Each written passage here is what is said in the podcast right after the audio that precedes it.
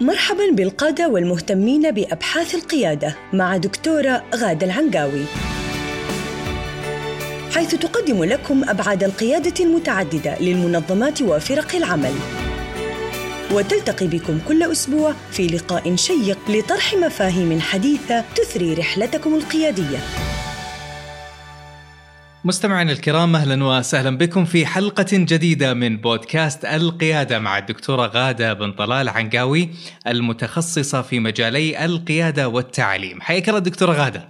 أهلا وسهلا عبد العزيز. أهلا وسهلا فيك إحنا سعداء بتواجدك معنا في هذه الحلقة واللي حتكون بإذن الله استكمالا للحلقة في الأسبوع الماضي والتي تحدثنا فيها عن القيادة الذاتية وتحدثنا أنها من أهم آه، يعني مرحلة من مراحل التأسيس القيادي آه، ومن القيادة نعم. الذاتية نصنع عادة القائد أو لا نصنعه.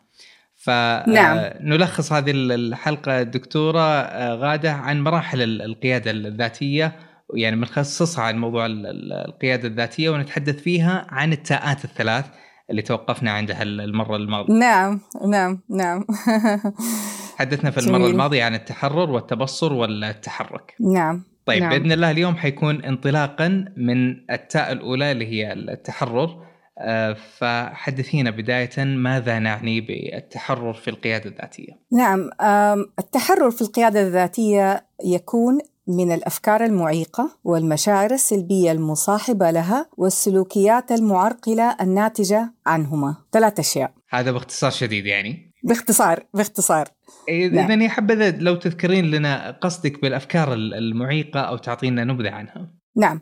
الفكرة هي مجموعة من الخواطر التي تمر بذهن شخص ما في موقف ما عند حدوث محفز داخلي أو خارجي. وأعني بالمحفز ممكن يكون ذاكرة أو ذكرى داخلية لموقف قديم يصنع عندك خاطرة أو خواطر معينة. أو يكون خارجي إنك تكون شفت حاجة أو مريت بموقف مع شخص آه، أو مريت بمكان. فهذا المحفز الخارجي أو الداخلي يصنع عندك مجموعة من الخواطر. باختصار ما هي فكرتك عن الزواج؟ قد آه، تتوارد إلى ذهنك صور من الماضي آه، عن علاقة والدك بوالدتك أو صور من الحاضر عن أشخاص متزوجين أو تجربتك الشخصية. ما هي فكرتك عن الدراسة بالخارج؟ ما هي فكرتك عن مشاهدة برنامج معين؟ أو ما هي فكرتك عن القيادة؟ أو نوع معين من الأكل؟ هذه كلها خواطر آه الآن أحفزها في ذهنك آه بمجرد ذكر الكلمات. وهكذا. ولكن المشكلة ليست في رأيك أو فكرتك وإنما عندما يصبح هذا الرأي أو هذه الفكرة محكمة. ومقيدة لك من الانطلاق للأمام في حياتك الشخصية والمهنية. فمثلا في الحياة الشخصية آه، عندما يعني تصنع هذه الفكرة أو هذه الخاطرة حاجز بينك وبين من تحب أو من تحترم. فتظن ظن السوء أو تحكم عليهم بالإهمال أو الغباء أو غير ذلك. في حياتك المهنية عندما يقف آه، الخاطرة أو تقف الفكرة بينك وبين تحقيق أهداف معينة فتجدك تتردد في اتخاذ القرار أو تتردد في التحدث في الاجتماعات برأيك أو معارضة رأي معين أو وجهة نظر. فالفكرة المعيقة تمنعك من التبصر والتحرك. تعترضك. جميل. يعني دكتورة إذا الفكرة المعيقة ناتجة عن منظور ضيق أو ممكن نسميه منظور آه، محدد. لو تكلمينا شوي عن عن موضوع المنظور بشكل عام. نعم المنظور آه، هو آه، يعني أنت مجرد ما تقول منظور بتشوف نظارات بتشوف عيون بتشوف منظار. طيب وإذا كان منظارك آه، بيديك فقط زاوية معينة من النظر. يعني ما بتشوف مثلا 180 أو 360 فكل ما ضاق منظارك كل ما شفت جزء من الحقيقة. والمنظار هو التصور. هو ما ما تظنه عن الحقيقة بسبب آه، ضيق آه، نظرك أو بسبب قصر النظر أو بسبب بعد النظر. في الحياة الحقيقية إحنا نلبس نظارات عشان نشوف أحسن. طيب فهل النظارات آه، اللي أنت تلبسها الآن تحكي الحقيقة عن العالم أم تحتاج أن تذهب لإعادة تشخيص النظر ها؟ وتقييم مدى حدة البصر. طيب وأنا أتكلم الآن عن الفيزيائيا يعني جسميا وأتكلم أيضا بشكل تمثيلي أمثل في الحياة الحقيقية. هل منظارك نحو حقائق الحياة المختلفة والعالم وعن نفسك يحكي الحقيقة أم هو منظار مستورد أو موروث من الطفولة ومن المراهقة؟ أو من النظام التعليمي أو من المجتمع أو من تجاربك وخبراتك البسيطة في الحياة أو تجاربك وخبراتك العميقة لكن في جانب من الجوانب وليس في كل الجوانب. هل أنت منظارك يعمم على جوانب أخرى؟ هل هو افتراضي؟ هل هو مثالي؟ هل هو منظار قاضي؟ يحكم على الأشياء أو يشعرك بالذنب. هناك الكثير من المناظير ونكتشف في موضوع الأفكار ما هو ما هي هذه الأفكار المعيقة الناتجة عن عن تصورك المحدود. وقد تظن أنه تصورك مو محدود لكن تمشي في الحياة وأنت مبسوط عادي ثم تصطدم وفي هذا الموقف يظهر التصور. ولذلك ما في أحد ما في ما في عن التصور. كلنا نمر باستمرار بعملية تعلم وإعادة تقييم للتصورات التي نملكها. جميل. أعتقد في مقولة جميلة لغاندي تقول المقولة أنه الفكرة تشكل الاعتقادات والاعتقادات مم. تصنع القيم والقيم تحدد الأفعال أو السلوك. بناخذ جميل. الحلقة الوسطى في هذا الموضوع اللي هو موضوع القيم تحديدا. كونها نعم. هي التي تقود إلى الأفعال وهي أيضا مرتبطة بالمعتقدات. لو نعم. تكلمينا شوي عن مفهوم القيم. نعم. آه القيم هي الأهمية التي أضعها على شيء أو شخص أو معنى أو علاقة وقد يكون هذا الشيء معنوي وقد يكون حسي ملموس وقد يكون تجربة وأنا أضع الأهمية لهذا الشيء وأضع سلم الأهميات. هذا شيء أهم من هذا الشيء. إذا هذه القيمة أعلى من هذه القيمة لأنه القيمة جاية كلمة قيمة جاية من إحنا نتبادل الفلوس كقيمة صح؟ ونشتري بها أشياء نتبادل القيم. لكن القيمة فقط ليست مربوطة بالمال وإنما أيضا مربوطة بالتصرفات وبالأفعال وبالأفكار وبالأشياء. فقد يكون الكمبيوتر ذا قيمة عالية لأنه كل شغلي بيصير من خلاله. أو الآن أنا بحدثك من خلال الإنترنت أو من خلال الهاتف فيكون أيضا ذا قيمة عالية بالنسبة لي. آه النظارة التي أرى بها ذا قيمة عالية هذه object أشياء. لكن أيضا هناك علاقات آه علاقتي آه بزوجي علاقتي بأبنائي علاقتي برئيسي في العمل علاقتي بوالدي هذه كلها أشياء لها قيم. يعني بالنسبة لي تختلف قد تختلف القيمة من شخص لآخر فقد تكون قيمة الأسرة عندي غير قيمة الأسرة عندك. كله يعتمد على التجارب والخبرات القديمة. ما هو الفرق بين القيم والاعتقادات؟ وكما ذكرت الأفكار تصنع الاعتقادات والتصورات تصنع الاعتقادات أو العكس. أنا أنا ما أفرق كثير لأنه في النهاية تصوري عن العالم إذا كان هذا التصور قوي وراسخ ولا يقبل التحرك والتغيير ويصبح التصور اعتقاد. الاعتقاد هو ما أصدقه أو ما أؤمن به إنه هو الحقيقة. بغض النظر هل هو اعتقاد ديني ولا اعتقاد اجتماعي ولا اعتقاد فيزيائي. فالجاذبية كلنا نؤمن أن هناك جاذبية ما في أحد ينكر. خاصة إذا عرفت فكرة الجاذبية. طيب هل هل في أحد يقدر ينكر حقيقة الجاذبية؟ لكن هذه الحقيقة نسبية لنا إحنا فقط في الكرة الأرضية. تتغير هذه الحقيقة إذا إذا خرجت برا الكرة الأرضية. فيصبح هذا الاعتقاد لا قيمة له برا هناك. مشكك فيه خلاص انتهي. ولذلك هذا التصور تصور إنه كل شيء يقع هو تصور محدود فقط بحياتنا هنا في الأرض. والشغل اللي إحنا نعمله مع الشخص القائد أو الفرد العادي اللي بده يمارس القيادة الذاتية هو أن نقرب القيم وأن نقرب الاعتقادات والتصورات من الواقع والحقيقة. فنساعده أنه يكتشف هل هذه الاعتقادات التي يملكها مفيدة؟ هل هي محررة له تسمح له بالحركة للأمام؟ أم مقيدة له تسمح له بالحركة للوراء والخلف؟ أو تقيده في مكانه؟ أو تفقده وتقييم الاعتقادات مهم جدا بالنسبة للقيادة الذاتية لأنه إذا عرفت أنه في اعتقادات مقيدة لابد أن تتحرر منها. بعدين يجي موضوع القيم. ماذا أريد أن أحتفظ به من هذه الاعتقادات؟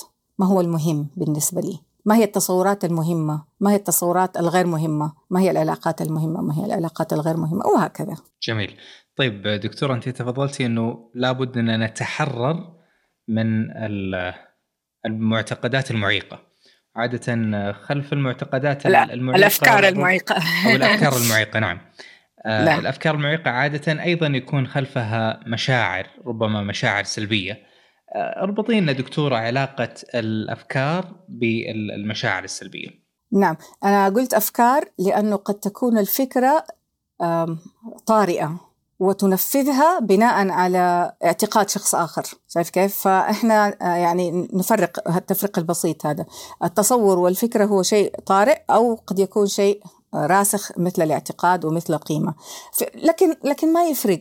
في الواقع في الواقع الفكرة المقيدة تسبب مشاعر سلبية. والاعتقاد المقيد يسبب مشاعر سلبية والقيمة المقيدة تسبب مشاعر سلبية والمشاعر السلبية تسبب المزيد من الأفكار والاعتقادات والقيم السلبية عرفت كيف فهي سلسلة لكن مين اللي بدأ أول إيش رأيك أنت؟ مين اللي مين اللي سبب مين؟ تبدأ الفكرة عادة ربما وبناء عليها ربما نعم. تبنى المشاعر بعد كذا. نعم، يعني أنت تكون جالس كذا مرتاح مبسوط في أمان الله ما عندك أي مشكلة. وفجأة يظهر آه، شخص هذا الشخص آه، مثلا تسبب لك في ضرر في الماضي ومجرد ما تشوفه تخطر ببالك فكرة هذا الشخص اللي آذاني بس هذه خاطرة. وبعد كده يبدأ إيش؟ مشاعر الغضب والانتقام تجي يعني هذا أبسط حاجة. أو تكون جالس كده وما لك لا لك ولا عليك وفجأة تجي زوجتك وتجيب لك كيكة شوكولاتة حلوة لذيذة كده فأنت تقول واو هذه كيكة شكلها لذيذ فكرة خاطرة. وفجأة تشعر إنك أنت جيعان وتبغى تاكل. فالشعور عادة ما يلحق آه، الفكرة أو الخاطرة.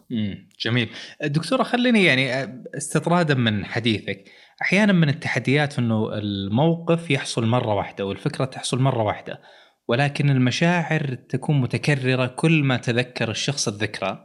مثلا شخص نعم. تذكر وفاة شخص عزيز فيكون يعني بمشاعر مزعجة كل ما تذكر ذلك الموقف والعكس صحيح أحيانا آه، قد تكون ذكرى سعيدة فيستعيد مشاعر السعادة آه، كل ما تذكر نعم. ذلك الموقف السعيد إيش السر في هذا الموضوع نعم. هذا يسمينه نسميه الرابط أو الأنكر عارف المرساة اللي تنزلها في البحر علشان تربط آه، الزورق أو السفينة في مكانها عشان ما تتحرك. أنت بتربط آه، أو هو بيتربط لوحده من غير ما أنت تشعر لأنه هذا الموقف اللي حصل الوفاة آه، حصل وسبب لك مشاعر مؤلمة جدا وقوية جدا هزتك. طيب فارتبطت هذه المشاعر بالموقف. ففي كل مرة حتشوف شخص مات تتذكر موت هذا الشخص العزيز عليك. وهنا خلاص يصير رابط بين المشاعر. ولذلك يقول لك إذا تبي تتعلم حاجة في الحياة اربطها بمشاعر. ومهمة بس مو مشاعر سلبية لأنه المشاعر السلبية عادة ما تكون مؤلمة. أو إذا كنت قدرت إنك أنت تحرر الرابط من المشاعر وتصنع إحنا هنا نسميه توجيه المشاعر. بحيث لما تتذكر هذا الشخص الميت بدل ما تجلس تكتئب وتبكي تدعي له بالخير. أو تصنع عمل صالح وتهدي له أو أو تستغفر له. فهنا هنا المشاعر تتحرك إلى فعل يعود بالنفع عليك وعلى هذا الشخص الميت. وما توقفك. ما توقفك في مكانك. يوم ما تقول خلاص أنا اليوم تذكرت الشخص اللي مات وماني رايح الشغل وماني خارج من غرفتي وما حسوي ولا حاجة.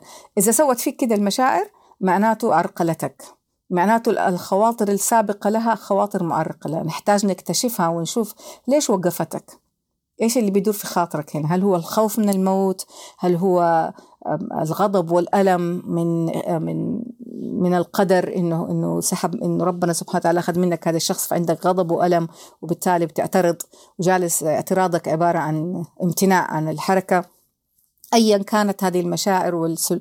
هنا نيجي الموضوع تكتمل المنظومة السلوكيات المعرقلة إذا تحول الشعور السلبي إلى سلوك معرقل ووقفك من الحركة وأحجمت عن التواصل وأحجمت عن تحقيق أهداف الحياة آه، فهذا السلوك المعرقل آه، يعني حتما لابد من إن إحنا آه، نتدخل ونساعدك إنك تخرج من هذه الدائرة المفرغة خاطرة شعور سلوك نحررك طيب دكتور بما أنك تفضلتي بذكر السلوك المعرقل ما هي السلوكيات المعرقلة؟ يعني أحيانا يكون عدم السلوك معرقل. يتطلب الموقف أن تتواصل مع شخص عشان آه، تتفاهموا عشان توصلوا إلى حل آه، سواء كان في الحياة الشخصية أو في الحياة المهنية. يتطلب أنك تعبر عن رأيك لأنه هذا الرأي مهم للنهايات للنتائج للمخرجات لمخرجات العمل آه، مهم للعلاقة. يتطلب أنك أنت تقوم ومثلا ترتب مكتبك وتنظف بيتك وتاخذ سيارتك للصيانة. آه، يتطلب إنك أنت تتحرك عشان آه، صحتك. تعمل رياضة آه، تاكل تروح تعد لنفسك طعام مفيد غذاء جيد أو تروح للطبيب. هذه كلها سلوكيات. إذا وق... إذا توقفت بسبب شعور لابد أن هناك فكرة سلبية أو اعتقاد مقيد أو تصور منعك من من من الحركة. وزي ما قلت لك عدم الحركة قد يكون هو أيضا سلوك معرقل. يعني عدم الحركة سلوك أيضا. الامتناع عن الاتصال هو سلوك أيضا. السلوك سيحدث سيحدث سواء تكلمت أم لم تتكلم. جميل. طيب دكتور عشان نربط الصورة ونجمع الصورة من جديد ما علاقة كل هذا الحديث بالقيادة بشكل عام والقيادة الذاتية بشكل خاص؟ تمام. إذا أنت وضعت أهداف ورؤية ورسالة خلينا نتكلم عن المهنة.